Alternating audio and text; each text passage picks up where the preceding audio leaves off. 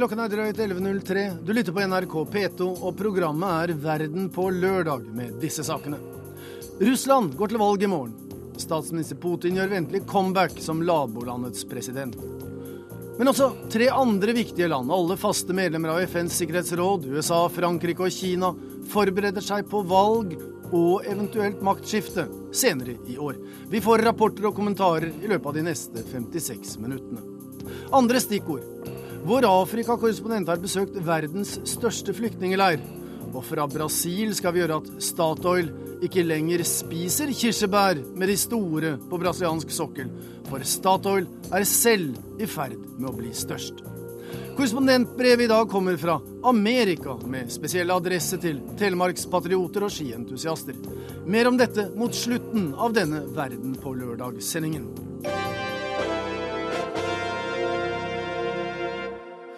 I morgen er det altså presidentvalg i Russland, der statsminister og tidligere president Vladimir Putin er den store favoritten.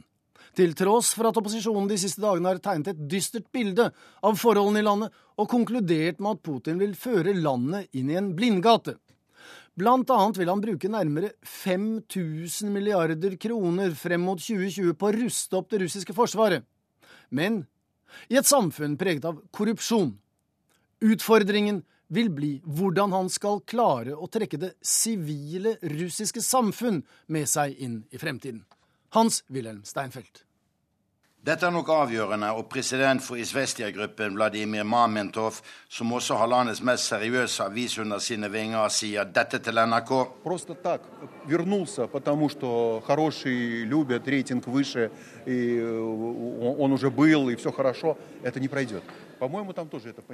det holder ikke å komme tilbake til makten bare fordi oppslutningen er god og eh, fordi Putin har vært president og det gikk bra. Jeg tror de skjønner dette i Kreml, og denne retur til makten må bringe noe nytt, sier Izvestia-sjefen Vladimir Mamentov til NRK. Her i Russland tales det om makthavernes bolsjevik-syndrom. De kan godt nedkjempe en motstander med hard hånd, men står forvirret tilbake med allmakten sin og lurer på hva de skal bruke den til. Vladimir Putins voldsomme fokus på militære maktmidler i fortid i Tsjetsjenia tydet på at satsingen skulle trekke folks oppmerksomhet bort fra uløste sosiale problemer i Russland, og 4,6 tusen milliarder kroner til Forsvaret de neste åtte år tyder på at Putin kan ha et snev av dette idésyndromet, denne idémangelen. Men ennå har ikke Russland gått til grunne, og den russisk-ortodokse kirke ber for Putins valgseier. Klokken er slagen for agitasjonen på denne lørdagen, som påbyr borgfred. Det er budskapet fra Frelserstårnet i Kreml foran presidentvalget i Russland i morgen.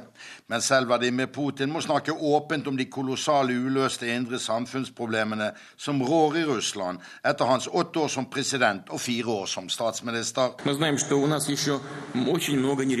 at Vi vet jo at vi har svært mange uløste problemer. Det er fremfor alt korrupsjon og ineffektiv statlig styring, råvarebasert økonomi, sosial ulikhet og et lavt utdannelsesnivå og dårlig helsevesen, sier Vladimir Putin her.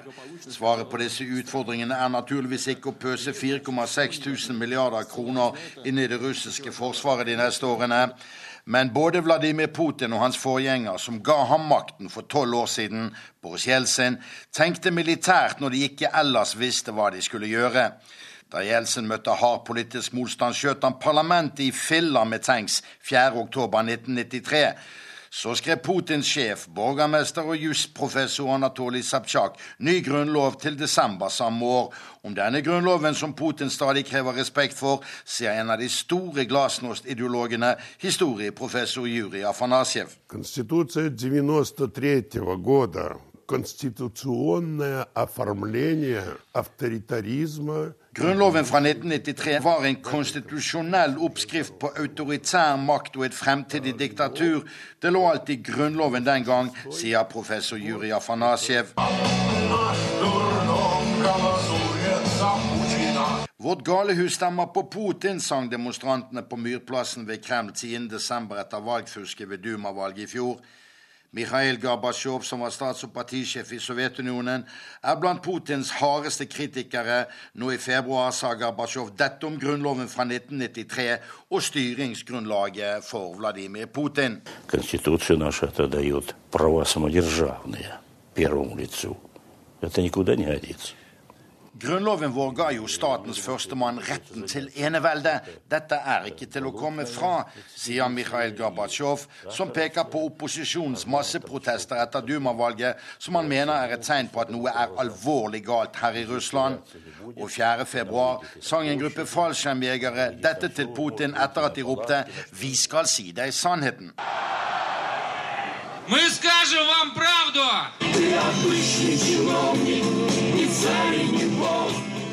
Du er bare en vanlig byråkrat, verken tsar eller gud, runget ordene ut mot Vladimir Putin bare 500 meter fra Kreml på Myrplassen. Men 21 år etter sovjetdiktaturet falt, er en periode kalt livstid i andre sammenhenger, og har ikke gitt flertallet av de russiske velgerne mulighet til å utvikle seg lenger enn at de fortsatt gjentar den gamle devisen om at det fins ikke noe alternativ til makten som rår. Hans-Wilhelm Steinfeld, Moskva. Det var Hans-Wilhelm Steinfeld, og nå har vi deg med direkte Moskva-korrespondent Steinfeld. Altså, De siste offisielle meningsmålingene de tyder på at Vladimir Putin kan få så mye som 60% av de avgitte stemmene allerede i første valgomgang i morgen. Altså, eh, hvordan kommenterer du og andre disse 60% Hvor sannsynlig er det? Ja, I går kveld sa Putin på TV han var klar over at han står mye svakere i de store byene som Moskva, Leningrad, Jekaterinburg. Der kan det dreie seg om 30 men han står sterkere ute i provinsene.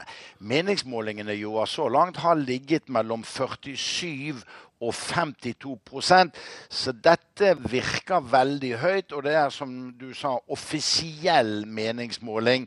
Eh, så får vi jo se om vi kan stole på det, da. Men du, da kommer det veldig an på hvor mange som møter frem, og hvor høy valgdeltagelsen blir, ikke minst der hvor kanskje Putin står svakere, eller for den saks skyld på landsbygda der han står sterkere, før man vet dette helt ordentlig. Ja, nettopp det. Og dersom det ble valg, lav valgdeltakelse, så sier valgforskerne her at da kunne Putin få 58% Men i går kveld gikk de ut og sa at de venter høy valgdeltakelse.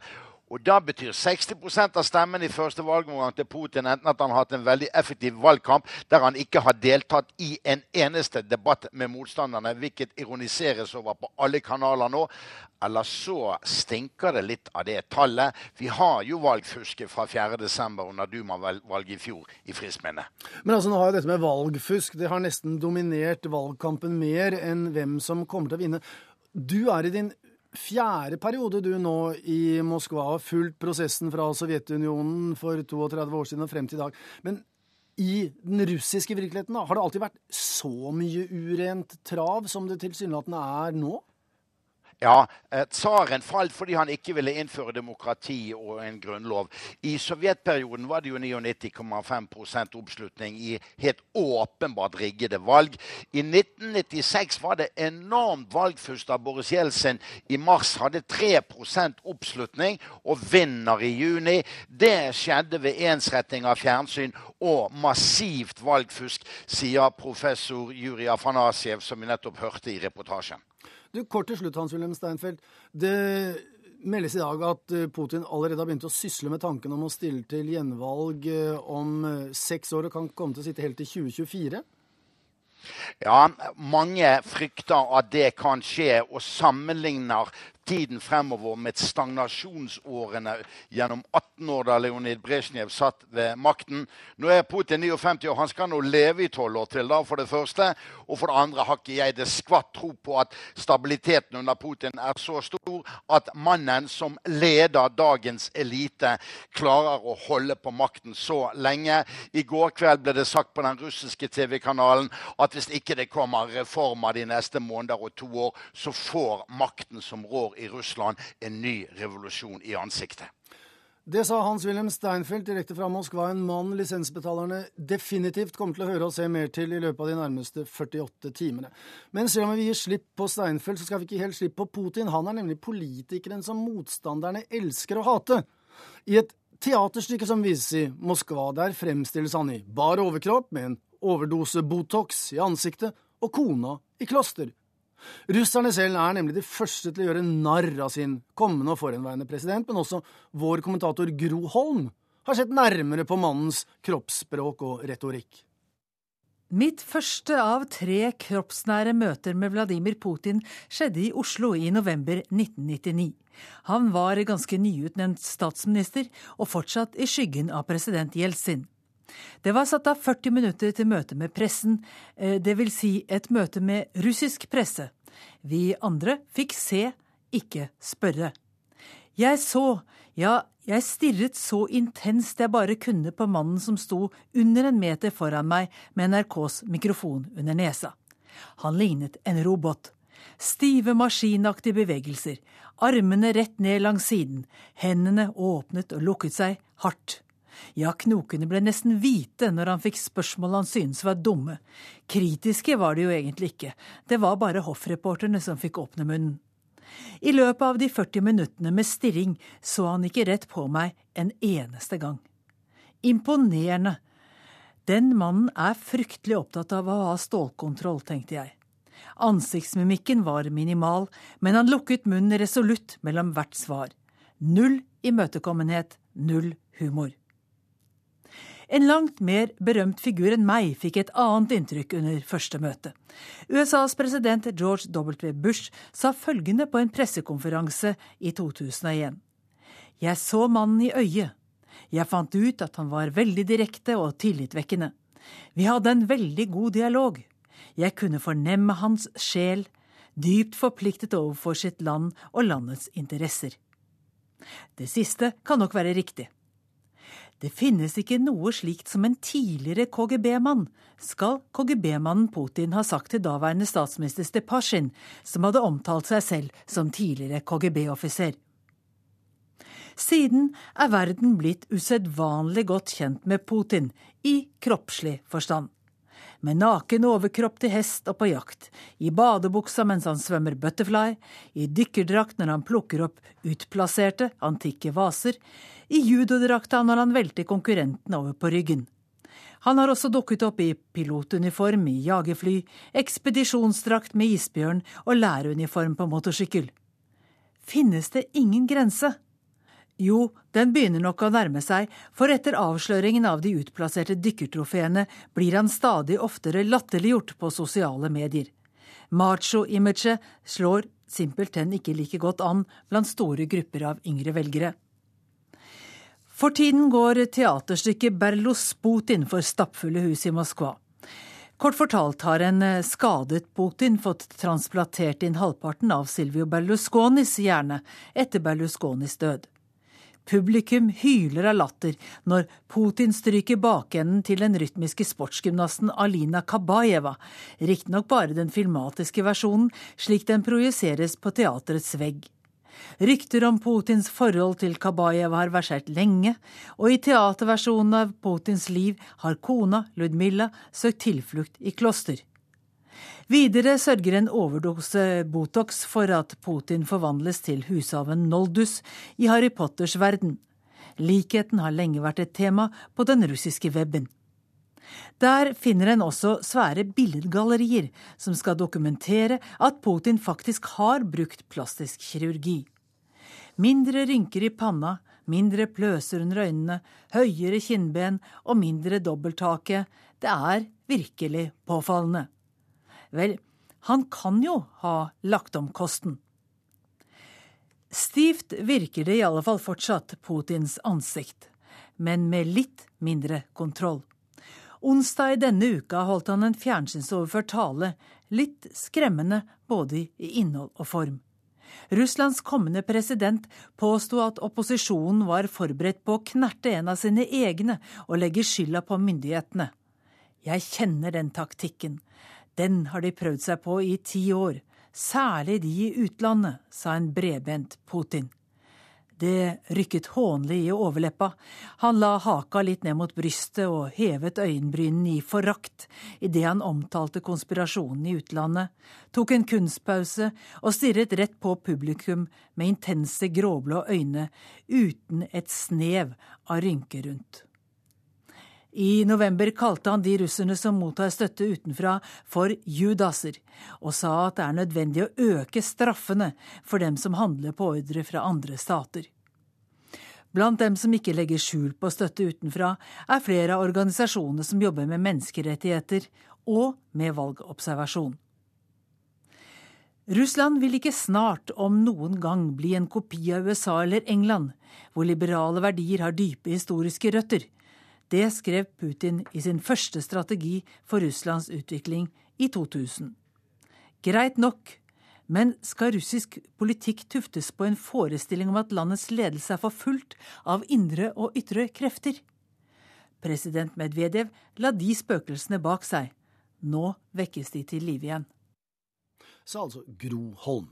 Men vi skal holde oss i Russland, litt til et land og et folk som har opplevd mer dramatikk de siste hundre år enn nasjoner flest. Revolusjon, terror og krig. Og nå 20 år med et slags demokrati. Disse omskiftelige tidene har i høy grad også preget russisk kultur, og et godt eksempel på dette er skjebnen til Lady Macbeth fra Mtsensk, komponisten Dmitrij Sjostakovitsj sin store opera. I disse dager er den satt opp i sin opprinnelige versjon på Göteborg-operaen, og der har vår medarbeider Morten Jentoft vært og laget denne reportasjen for Verden på lørdag.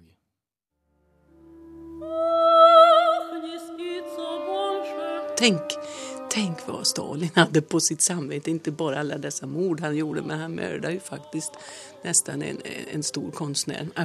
Sjostakovitsj fortsatte jo, men han gjorde jo aldri noe mer opera. Politiker skal holde seg fra å blande seg i sånt der. Altså, det syns jeg verkligen.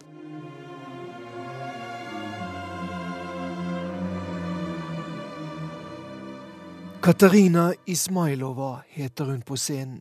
Og i Göteborg-operaen er det Gitta Marie Sjøberg som framstiller den russiske kjøpmannskonen som ikke får sove, og som beklager seg over at hun har en mann som ikke kan tilfredsstille henne, og som bare er opptatt av jobb og materielle verdier. Katarina tar etter hvert den fattige sjarmøren Sergej til elsker, dreper sin voldelige svigerfar Baris og sin mann Sinovej, og blir selvfølgelig også sviktet av elskeren. Det hele ender med død og fordervelse. Og hun er frihetselskende, og det er klart at man kan ikke forsvare at hun mördar. Det gjør, det, det det går, alltså, det gjør jo at, at, hennes øde det går jo bare rakt ned. Altså, det går ju inte, så kan man jo ikke gjøre, naturligvis. Men, men omstendighetene gjør at hun, at hun havner i denne situasjonen. Veldig mänsklig. Och en människa som är otroligt passionerad och känslomässig och, och låter sig väl styras mycket av känslorna. Ja.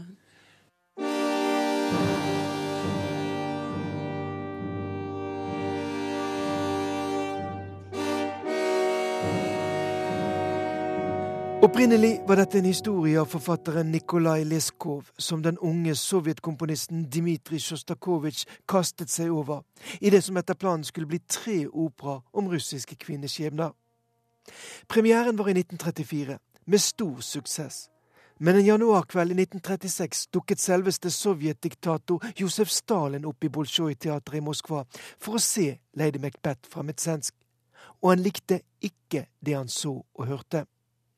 To dager etter sto den berømte usignerte lederartikkel 'Støy istedenfor musikk' på trykk i partiorganet Pravda. Og dermed var det slutt på Katarina Ismailovas noe brutale kvinnefrigjøring på scenen. I was present at, at uh, from the 10th symphony onwards in St. Petersburg. How was it? Describe a little bit. Tell us a little. No, and Göteborg-operaen har denne gangen klart å skaffe en dirigent til sin Lady Macbeth, som virkelig kjenner bakteppet til denne operaen. Thomas Sanderling er selv vokst opp i det daværende Leningrad, nå St. Petersburg, der hans far Kurt Sanderling, som jødisk flyktning fra Tyskland, var en av dirigentene ved byens berømte orkester. Thomas Sanderling hadde nær kontakt med Sjostakovitsj, først gjennom sin far, senere som dirigent på egne bein. I en periode der kunsten og ikke minst musikken spilte en viktig rolle som et pustehull i et autoritært samfunn. In, in Russia, art and uh, culture was a escaping, like, like inner emigration for, for educated people, which been mostly prosecuted and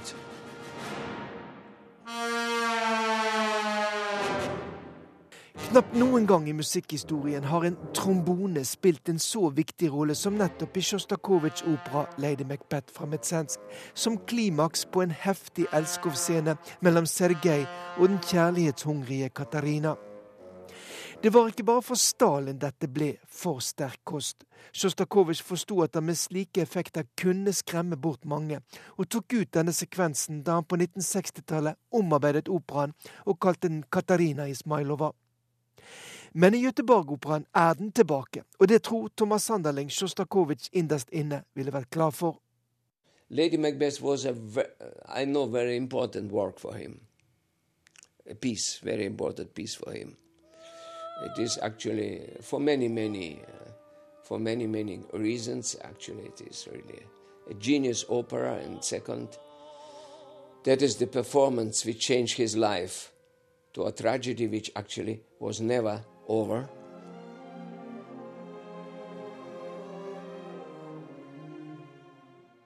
Ja, jag tror att Sjostakovitsj hade varit jätteglad för den här uppsättningen. Men når du går på scenen og ser ut mot publikum, ser du litt om kanskje, kanskje Stalin sitter oppe et sted og følger med på hva du gjør? Det hoppas jeg. han gjør Her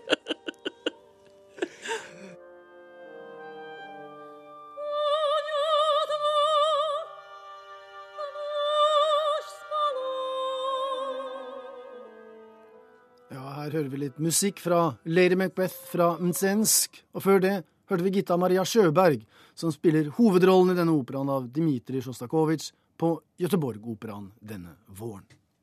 Men det er ikke bare Russland som skal ha presidentvalg i år. USA går til urnene i november for å si ja eller nei til fire nye år med Obama. Hvem han får som republikansk motstander, kan bli noe mer avklart etter Super Tuesday neste uke.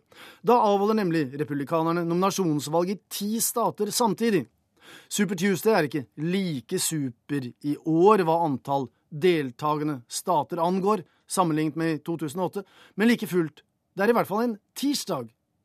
Men hvorfor det, egentlig? Mange i USA mener tirsdag er en svært dårlig dag for å gå til valglokalene.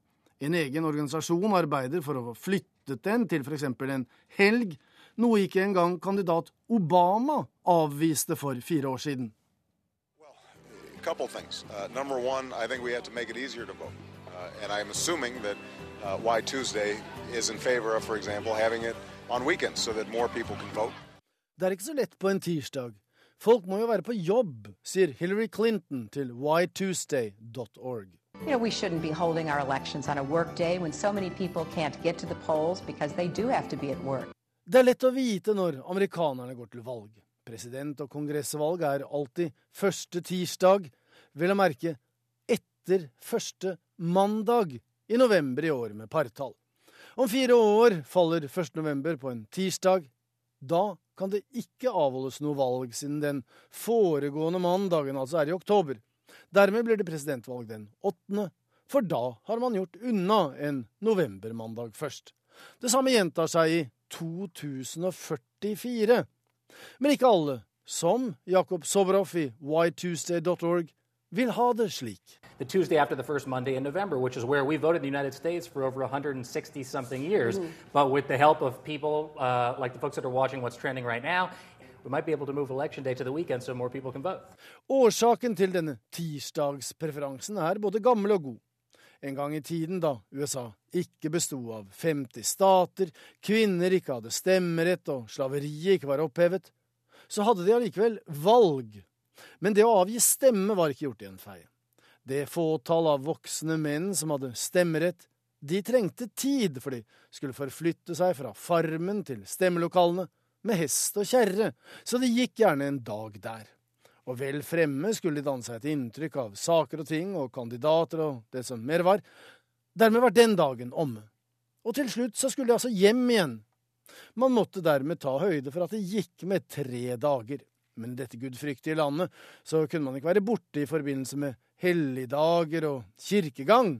Dermed var både lørdag, søndag og mandag uaktuelle som valgdager for de kristne. Andre trossamfunn og hensyn gjorde at torsdag og fredag også ble vanskelig. Dermed gjensto egentlig bare tirsdag og onsdag. Men midtukedagen onsdag var som regel markedsdag, så tirsdagen ga i grunnen seg selv i 1845. Nå mener mange at man kanskje kan se på dette med nye øyne. Men hvorfor akkurat Super Tuesday i primærvalgene? Welcome to 2012. It's our pre Super Tuesday, post Tuesday election coverage. Svaret er fordi Iowa og New Hampshire på pussig vis har fått eneretten på å være først. Deretter er det mange som vil være tidligst mulig ute for på den måten å gi sin stat økt tyngde og betydning. Partiene blir derfor enige om en tirsdag i februar eller mars. For fire år siden, da begge partiene avholdt primærvalg, var 5. februar supertirsdagen, mens den for republikanerne i år altså er fire uker senere. I 2004 deltok hele 24 stater i denne valgøvelsen, som da ble opphøyet til Superduper Tuesday, mens antallet i år er relativt beskjedne ti stater. Poenget med at denne tirsdagen er så super, er at man får et tilnærmet tverrsnitt av USA, stater og velgere. Det ligner liksom litt på et ordentlig valg. Det hele er så omfattende at kandidatene ikke har hatt tid til å tilbringe mye tid i hver enkelt stat, eller kanskje mer presist fri til utvalgte velgergrupper med særinteresser i hver enkelt stat. Nå er det alvor. Ikke et vondt ord om Alaska, Idaho eller Nord-Dakota, som er blant de ti som gjør denne tirsdagen så super. Men interessen knytter seg til Ohio. But Ohio's uh, particularly critical because Republicans really almost have to win that in November in order to win the election, right? Ohio er den sjuende mest folkerike staten i USA. Å vinne der monner hva antall delegater angår. Og ikke minst, Ohio er tradisjonelt en såkalt svingstat.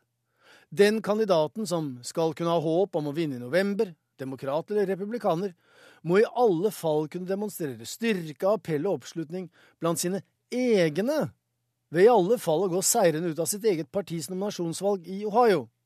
Tap i Ohio i februar-mars er nesten det samme som å allerede ha tapt Det hvite hus i november. Derfor er supertirsdag viktig. Spesielt for kandidatene, men kanskje aller mest for kommentatorene.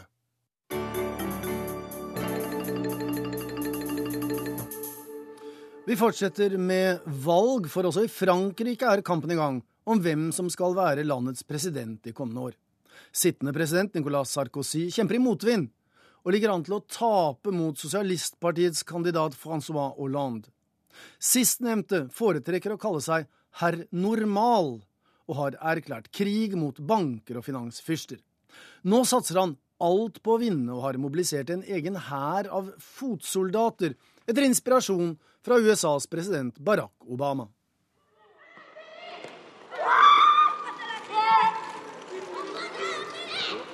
Det begynner å bli mørkt i Paris, men det er nettopp etter arbeidstid at en egen hær av frivillige starter sin jobb. Donc, euh, là, ce qu'on va faire aujourd'hui, on va à la rencontre des habitants. Donc on est des militants du PS et on trouve ça très important. Ordia Farge er utstyrt med pamfletter i hendene og et brennende engasjement for at sosialistpartiets kandidat Francois Hollande blir Frankrikes neste president. Hun er en del av en dør-til-dør-aksjon for Hollande, inspirert av president Obamas valgkamp i USA. Målet er å mobilisere 150 000 frivillige, som i sin tur skal banke på fem millioner dører. Alors moi, parce que je pense qu'il est vraiment temps que ça change dans le pays. Euh, J'en ai vraiment euh, plus qu'assez de la situation. Ça fait euh, depuis l'élection Sarkozy que, que je milite.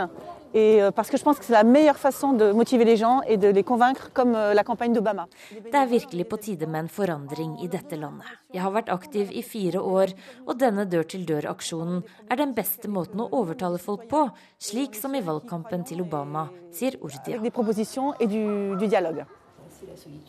Hmm? Non, Là, on est bien entouré. Opp trappene i en gigantisk bygård i forstaden Bois Colombe utenfor Paris. Ordia og de andre frivillige går rundt tre ganger i uka. 2000 dører er hittil blitt banket på. Men ikke alle er interessert i å la seg mobilisere. Bonsoir, monsieur. Au revoir.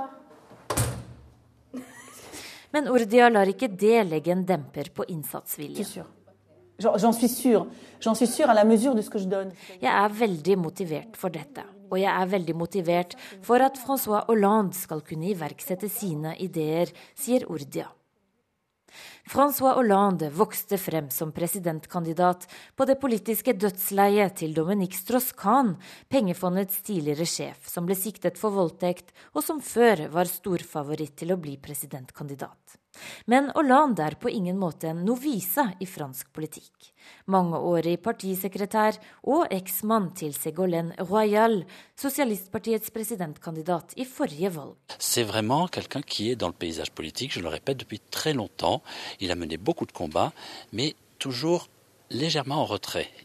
Et il a aussi un inconvénient majeur pour lui, il n'a jamais été ministre, et c'est euh, une faiblesse que pointent tout le temps ses opposants de droite. Han har lenge vært en del av fransk politikk, men alltid litt i skyggen.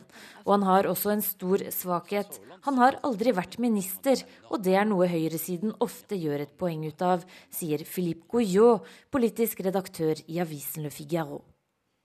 Francois Hollande har erklært krig mot banker og finansfyrster som han vil gi økte skatter, og denne uka skapte han storm i Frankrike med å foreslå en skatt på 75% for de som tjener mer enn 1 million euro. Hollande vil selv bli kalt herr normal, i kontrast til president Sarkozy, som stadig kritiseres for en pompøs stil og sine mange rike venner. Nå leder Hollande med 3,5 prosentpoeng foran Nicolas Sarkozy. Men det er ikke nødvendigvis fordi han vekker stor entusiasme, mener politisk redaktør Gouillot. Men også ce qui est frappant, c'est que beaucoup de gens votent pour lui par défaut. C'est-à-dire des gens qui veulent voter contre Nicolas Sarkozy choisissent François Hollande par plus un vote contre qu'un vote Mange som egentlig stemmer Sarkozy, velger å gi sin stemme til Hollande i protest. Dette kan bli et protestvalg. Frankrike er midt i en krise, og utfordringen for Francois Hollande er å forvandle proteststemmene til å bli stemmer for ham, sier Gouillot. en un vote pour, pour le candidat François Hollande. Ça, c'est très difficile.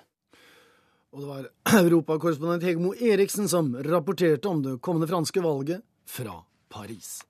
Nå til en slags selvmotsigelse, kinesisk presidentvalg.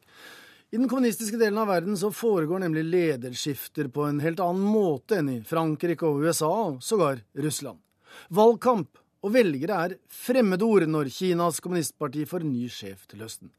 Den utvalgte blir en av verdens aller mektigste ledere, men ifølge vår Asia-korrespondent Anders Magnus er det få som kjenner ham, eller vet hva han heter. 40年前啊， 两国的领导人以政治家的超凡勇气和远见卓识，推开了尘封多年的 Den myke, avslepne stemmen inviterer til hyggelige samtaler, ikke til konfrontasjon. Mannen med det runde ansiktet og det gutteaktige smilet hyller samarbeidet mellom Kina og USA. Hvordan de to landene har klart å utvikle et samarbeid som har skapt fred, framgang og stabilitet. Og i dag, sier han, er forholdet mellom Kina og USA det mest lovende i verden. Men hvem er det som snakker? Har du noen gang hørt om Xi Jinping? Mens svært mange nordmenn nærmest er på fornavn med kandidatene til presidentvalgene i USA, Frankrike og Russland, er det få som kjenner navnene på noen av Kinas nåværende ledere, og iallfall ikke Xi Jinping. Ikke så rart, kanskje, for hittil har han holdt en særdeles lav profil. Fram til han besøkte president Obama og visepresident Joe Biden i Washington i forrige måned, hvor han holdt denne talen, var han en nokså ukjent størrelse i det globale mediebildet. Men mannen er faktisk visepresident i Folkerepublikken Kina, verdens mest folkerike land og klodens nest største økonomi. I løpet av det neste tiåret, hvor han trolig kommer til å sitte ved makten, vil nok Kina gå forbi USA og bli verdens mektigste økonomi. Så det er vel verdt å merke seg navnet Xi Jinping. At han er visepresident er selvsagt en fin tittel, men statlig verv er underordnet hvilken stilling man har innad i Kinas kommunistparti, som har all makt i landet. Hu Jintao, et navn du heller kanskje ikke forbinder noe med, er Kinas president kun fordi han har et annet og mye viktigere verv som generalsekretær i Kinas kommunistparti. Skal vi finne ut hvilken makt Xi Jinping har, må vi derfor se på hans posisjon i partiet. For tiden ser den bra ut. Han er rangert som nummer seks i politbyråets stående komité, som er det styrende organet i kommunistpartiets maktpyramide. I år skal hele sju av ni medlemmer i den stående komiteen pensjoneres fra makten. Det er bare Xi Jinping og Li Keqiang som blir med videre, og Li er rangert bak Xi. I lengre tid har det vært antatt at Xi Jinping vil overta som generalsekretær i kommunistpartiet ved den kommende partikongressen til høsten. Får han dette vervet, blir han også Kinas president, men ikke før til våren 2013. Partiets rådende politikk er at lederne overtar maktvervene mer gradvis nå enn tidligere, og dagens øverste leder Hu Jintao kommer nok til å spille en viktig rolle også etter neste vår, som leder av partiets sentrale militærkommisjon. I Kina foregår lederskiftene på en helt annen måte enn i Vestens demokratier. Her er det ingen åpne kampanjer og valg. Kampen om makten skjer bak lukkede dører. Men hvem er så Xi Jinping? Han tilhører gruppen av såkalte høykaderbarn. Ofte har de fått viktige stillinger kun fordi faren hadde et mektig verv i partiet, og mange av dem blir sett ned på av vanlige folk i Kina fordi de bruker sin maktposisjon til å berike seg gjennom korrupsjon. Det ryktet har ikke Xi Jinping. Hans far ble i sin tid hardt straffet av Mao, og han selv måtte tilbringe mange år i svært fattige vilkår på landsbygda under kulturrevolusjonen. Faren var kjent som en liberaler i partiet, i alle fall i økonomiske spørsmål. Når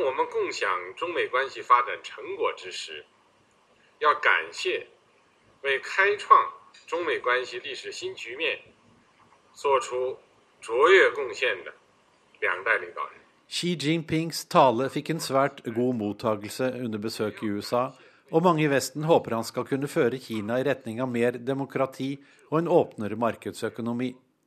Det er likevel ikke sikkert at han klarer det, uansett om han innerst inne kunne ønske å føre en slik politikk. For Kinas kommunistparti er ikke lenger styrt av én mann, men heller en klasse av superrike partikadre som nyter godt av at situasjonen ikke blir forandret. Hvordan Kina blir styrt i årene framover, kan derfor avhenge like mye av hva som skjer på den globale scene, særlig når det gjelder handel og økonomi.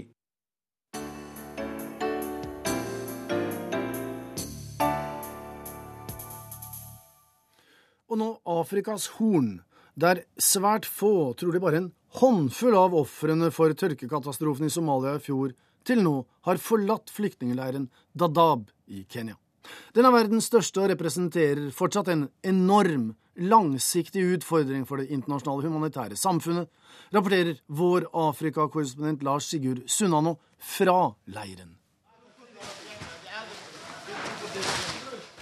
Sekk etter sekk med mais losses fra lastebilene som FNs matvareprogram har sendt inn hit til Dadaab. Det er en storstilt nødhjelpsoperasjon som fortsatt pågår, uke etter uke, måned etter måned, når det internasjonale humanitære samfunnet skal holde liv i opp mot en halv million mennesker i verdens største flyktningleir. Fra norsk side er Flyktninghjelpen blitt en hovedaktør i dette arbeidet. Organisasjonen overtok sist helg en vesentlig del av matdistribusjonen i leirkomplekset, forteller regiondirektøren for Afrikas Horn, Hassan Kaire. Veldig stort prosjekt hvor vi kommer til å dele ut mat for 70 000 mennesker hver eneste måned, som vi regner vil bli økt til 100 000 mennesker. Det er en femtedel av befolkningen Dadaab, det. Det er en femtedel av befolkningen i Dadaab, og i tillegg til de andre aktivitetene vi gjør, så er det et meget viktig prosjekt for å sørge for at folk har mat i et vanskelig sted å jobbe i. En gruppe flyktninger er med når det nå bygges et nytt distribusjonssenter. De kom da tørkekatastrofen var på sitt verste i Somalia i fjor sommer og høst, og har valgt å bli. De reiser ikke hjem.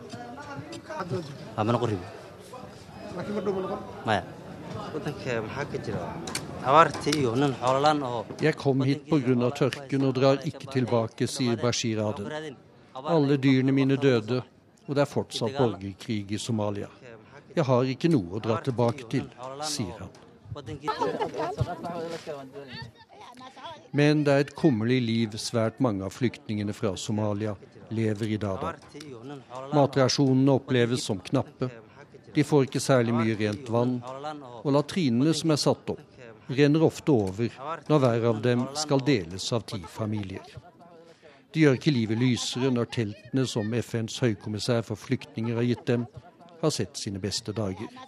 De er ikke tette lenger, de lekker som siler, nå som en ny regntid er på trappene i denne delen av Kenya.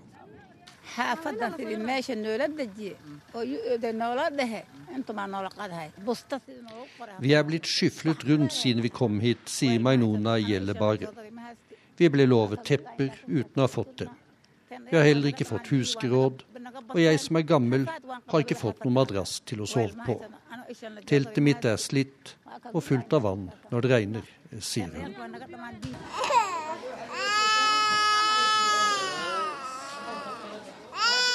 Lyspunktene er kanskje ikke så mange Dadab, men ett er stort.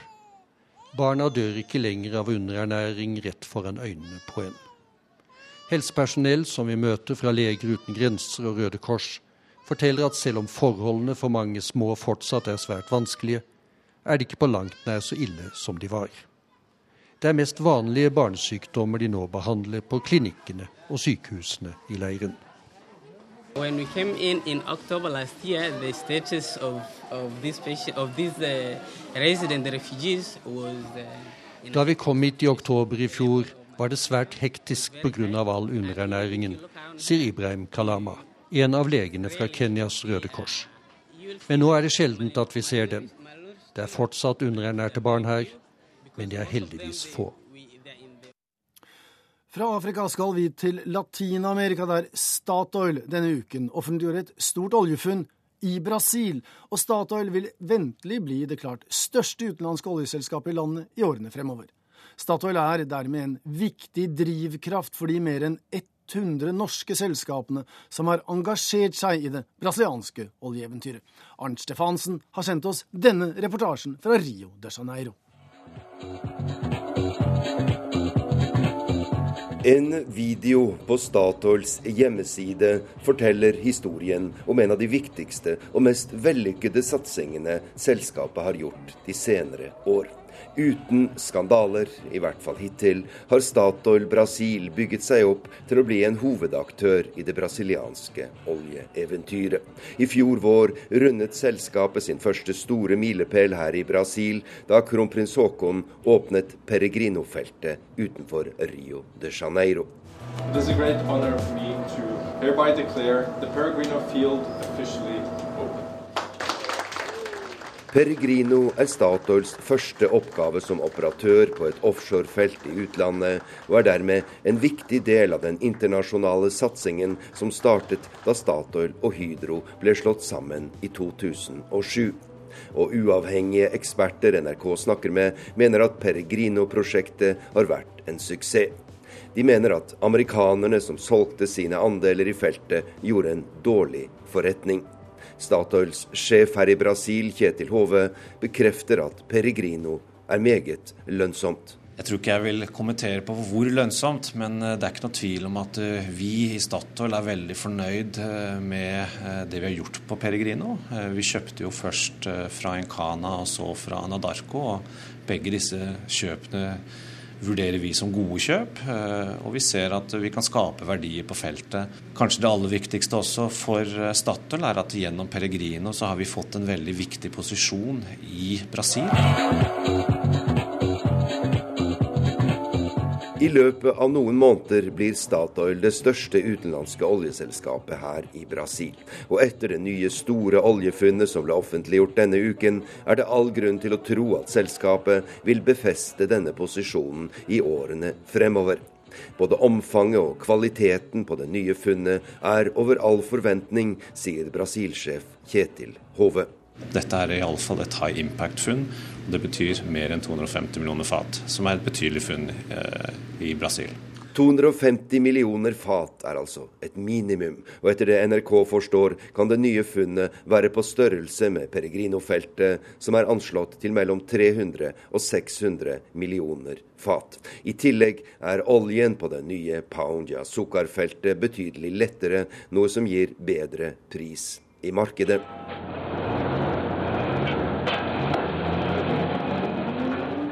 Statoils virksomhet her i Brasil går på høygir, og forventningene er store. Men det er også utfordringene. For Norges største selskap konkurrerer i et land med omfattende korrupsjon, og i en bransje der norske miljøkrav og regler for behandling av ansatte langt fra er en selvfølge.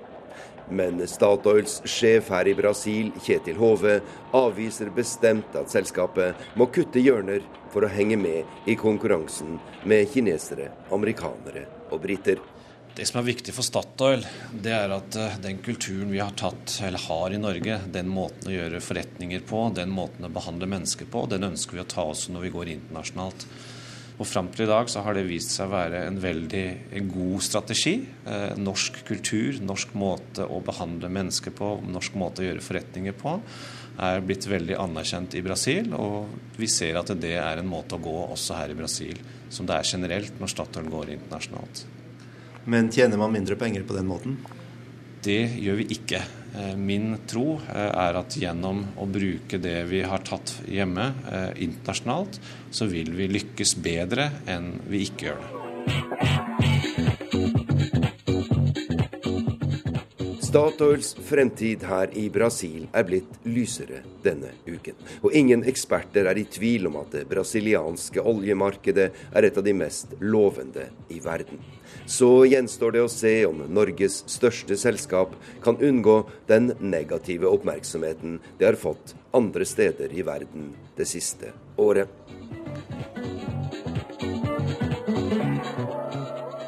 Da er det tid for korrespondentbrevet. Denne uken skal vi til nordamerikanske Nord-Dakota.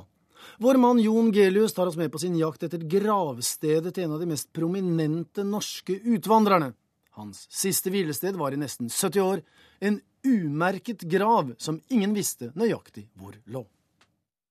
Under en stor naturstein på den amerikanske prærien i Nord-Dakota ligger Norges mest berømte skipioner begravet. Hans gravsted kunne ha forblitt en hemmelighet hadde det ikke vært for et nysgjerrig oldebarn. Nylig var jeg på reportasjetur til denne nordlige delstaten for å følge strømmen av arbeidsløse amerikanere som søker lykken i Nord-Dakota etter at delstaten opplever et oljeeventyr. Mens resten av USA ligger nede for økonomisk telling, gror det godt i den jordbruksbaserte delstaten. Nord-Dakota har USAs desidert laveste arbeidsledighet med 3,3% langt under halvparten av landsgjennomsnittet. Oljeutvinning har gitt økonomiske ringvirkninger andre delstater bare kan drømme om. De siste årene er det båret over 6000 nye oljebrønner av flyttbare rigger. Under markens grøde i Nord-Dakota skjuler det sorte gullet seg. For over 100 år siden var det utvandrede nordmenn som søkte lykken i disse traktene. De kom for å drive jordbruk. Nord-Dakota er i dag blant de største amerikanske kornprodusenter av hvete, bygg og havre. Gudfryktige norske immigranter satte spor etter seg. Det sies at hver tredje innbygger i Nord-Dakota har røtter til Norge. Mange av dem ligger begravet ute på prærien. Og det er gravstedet til den mest prominente av de norske utvandrerne jeg har satt meg i fore å finne. Jeg har ingen adresse å plotte inn i den vesle elektroniske kartveiviseren i leiebilen, men kjører etter en lapp jeg har fått med noen sparsommelig nedtegnede veianvisninger. Det er ikke et hus å se, bare endeløse marker med et hvitt rimlag. Vi har havnet på en gruset kjerrevei, og jeg får en nagende følelse av at jeg har kjørt feil, og angrer på at jeg nærmest insisterte på å ta denne avstikkeren. Ved siden av meg i passasjersetet sitter min danske frilansfotograf Thomas. Han rister på hodet og viser med sin kroppsholdning at han mener denne omveien er noe stort tøys. Han mumler noe om nordmenns underlige trang til å finne fotavtrykk etter utvandrede landsmenn. Nå i mars er det nøyaktig 115 år siden skipioneren Sondre Norheim døde på sin gård her på Præien i Nord-Dakota. Hans siste hvilested ble utrolig nok en umerket grav. Sondre Norheim fortalte aldri sine naboer om sin imponerende skifortid. For dem var han en stille og beskjeden mann. Det sies at han verken var vellykket som gårdbruker eller nybrottsmann. Han måtte stadig få hjelp av sine barn og sine venner. Sondre Norheim var 59 år gammel da han flyttet sammen med kone og barn til USA, i håp om å finne et liv som ville gi dem bedre velstand enn hjemme i Morgedal. De bodde først noen år i Minnesota, før familien flyttet til en gård på prærien nær den vesle byen Denbig i Nord-Dakota.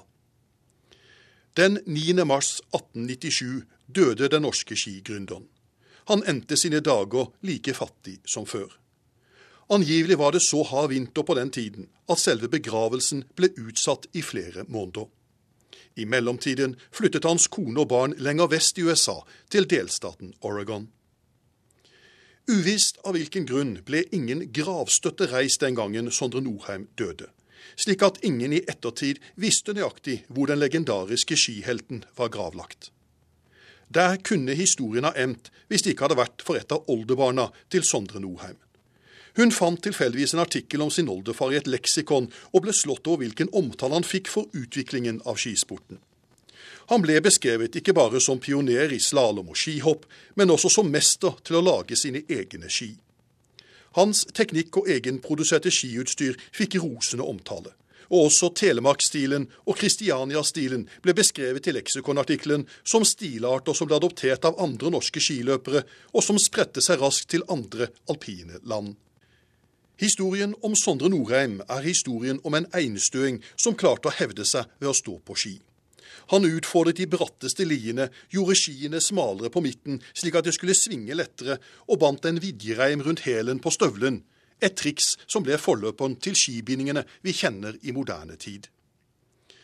Sondre Norheims kunster i skibakken og skiløypene imponerte landsmennene, og i gamle Kristiania ble han sett på som en trollmann på ski. Etter å ha lest omtalen av sin oldefar, ble oldebarnet fast bestemt på å prøve å finne hans grav, nesten 70 år etter at han døde. Oldebarnet var selv vokst opp i Nord-Dakota, men på motsatt side av delstaten enn sin berømte oldefar. I et av nabohusene bodde den gang Åmund Norheim, en av sønnene til Sondre Norheim. Men underlig nok var det ingen av slektningene som visste nøyaktig hvor skipioneren var stedt til hvile. Sommeren 1965 tok hun kontakt med det lokale sorenskriverkontoret i den kommunen Sondre Norheim hadde bodd. De fant ingen opplysninger om gravstedet, og anbefalte henne å ta kontakt med de lokale kirkene. Hun skrev så et brev til den eldste kirken i området, Norwegian Lutheran Church, reist av gudfryktige norske immigranter. Gjennom å saumfare gamle kirkebøker klarte frivillige menigheten å sirkle inn gravstedet. Sondre Norheims umerkede grav ble lokalisert i det sørøstre hjørnet av sletten som var gjort om til kirkegård. Vinteren kan være røff i Nord-Dakota. Man kan forestille seg hvordan livet må ha artet seg her ute i ødemarken når vinterstormene herjet over slettene. Det rister i leiebilen etter hvert som nye kilometer på denne smale grusveien blir tilbakelagt. Jeg er glad det ikke er noen møtende trafikk. Fra Washington DC og hit til Nord-Dakota er det 2500 kilometer. Avstanden tilsvarer hele Norge på langs. Denne dagen er det lav vintersol, en håndfull kuldegrader og nok vind til at det biter ekstra i kinnene. Jeg er i ferd med å innse at jeg må ha kjørt feil, og begynner å se etter en veilomme for å kunne ta en U-sving og erkjenne at det var en bomtur. Men så, plutselig, i ly av en liten treklynge, får jeg øye på et kirkespir, midt ute på slettelandet. Noen minutter senere står jeg utenfor Norwegian Luther Church, bygget i 1907 av norske immigranter og den andre kirken på dette stedet siden de første nordmennene slo seg ned. På motsatt side av veien en dobbel smijernsport med ordene Norway Cemetery felt inn. Jeg åpner porten og begir meg innover den vinterfrosne marken mot et stort enslig grantre i det venstre hjørnet av kirkegården. En naken flaggstang står oppreist like ved. En annen flaggstang ligger nesten flatt langs bakken. Midt imellom en stor naturstein med en minneplate i jern, laget av Ulefoss jernverk i Sondre Norheims hjemfylke Telemark. Jeg leser teksten. In memory of Sondre Norheim, pioneer and champion of modern skiing. Som guttunge besøkte jeg Morgedal, hans fødested. Nå, noen tiår senere, er jeg ved hans siste hvilested ute på den amerikanske prærien. Jeg må medgi det føles spesielt å stå her ved graven til skipioneren fra fedrelandet. Dette er mannen som har inspirert generasjoner på generasjoner til skigåing. Jeg tenker på mine medbrakte langrennsski hjemme i Washington. De ligger dessverre fortsatt urørt i skiposen etter at de flyttet over.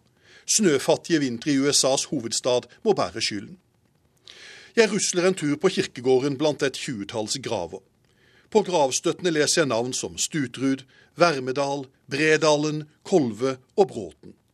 Og her fant man også, for 47 år siden, den umerkede graven til Sondre Norheim.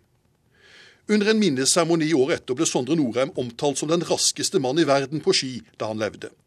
Det ble understreket at hans skipionervirksomhet aldri fullt ut ble verdsatt og anerkjent mens han levde. Det amerikanske senatet fikk samme sommer vite om gravstedet til Sondre Norheim, takket være en tale som Nord-Dakotas senator holdt. Han lovpriste ham som mannen som hadde revolusjonert skivernen i det 19. århundre. Amerikanerne har senere hedret Sondre Norheim med egen statue i byen Minot i Nord-Dakota, den nærmeste byen i traktene der han levde. Men det er utenfor allfarvei, midt ute på prærien, at en av Norges store helter har sitt gravsted. Nesten som en godt bevart hemmelighet. Det slår meg at det ikke finnes et eneste lite skilt som viser veien hit. Jeg får min skeptiske fotograf til å ta et bilde av meg ved graven til den norske skihelten, før vi går tilbake mot den gamle norskbygde kirken som for lengst er ute av aktiv tjeneste. Halvveis over kirkegården stanser danske Thomas og sier Du Jon, det er jo utrolig at en av Norges største menn ligger begravet langt her ute. Jeg tror jammen du må ta et bilde av meg også, foran hans grav. Jeg smiler snur og tar fram kamera for å sikre dansken et minne fra det siste hvilestedet til en norsk helt. Den moderne skisportens far. Sa altså Jon Gelius til slutt i denne Verden på lørdag-sendingen, der Lisbeth Sellreite var teknisk ansvarlig, mens Oda Holm Gulbrandsen holdt orden på alle praktiske detaljer. Og her i studio Joar Hoel Larsen.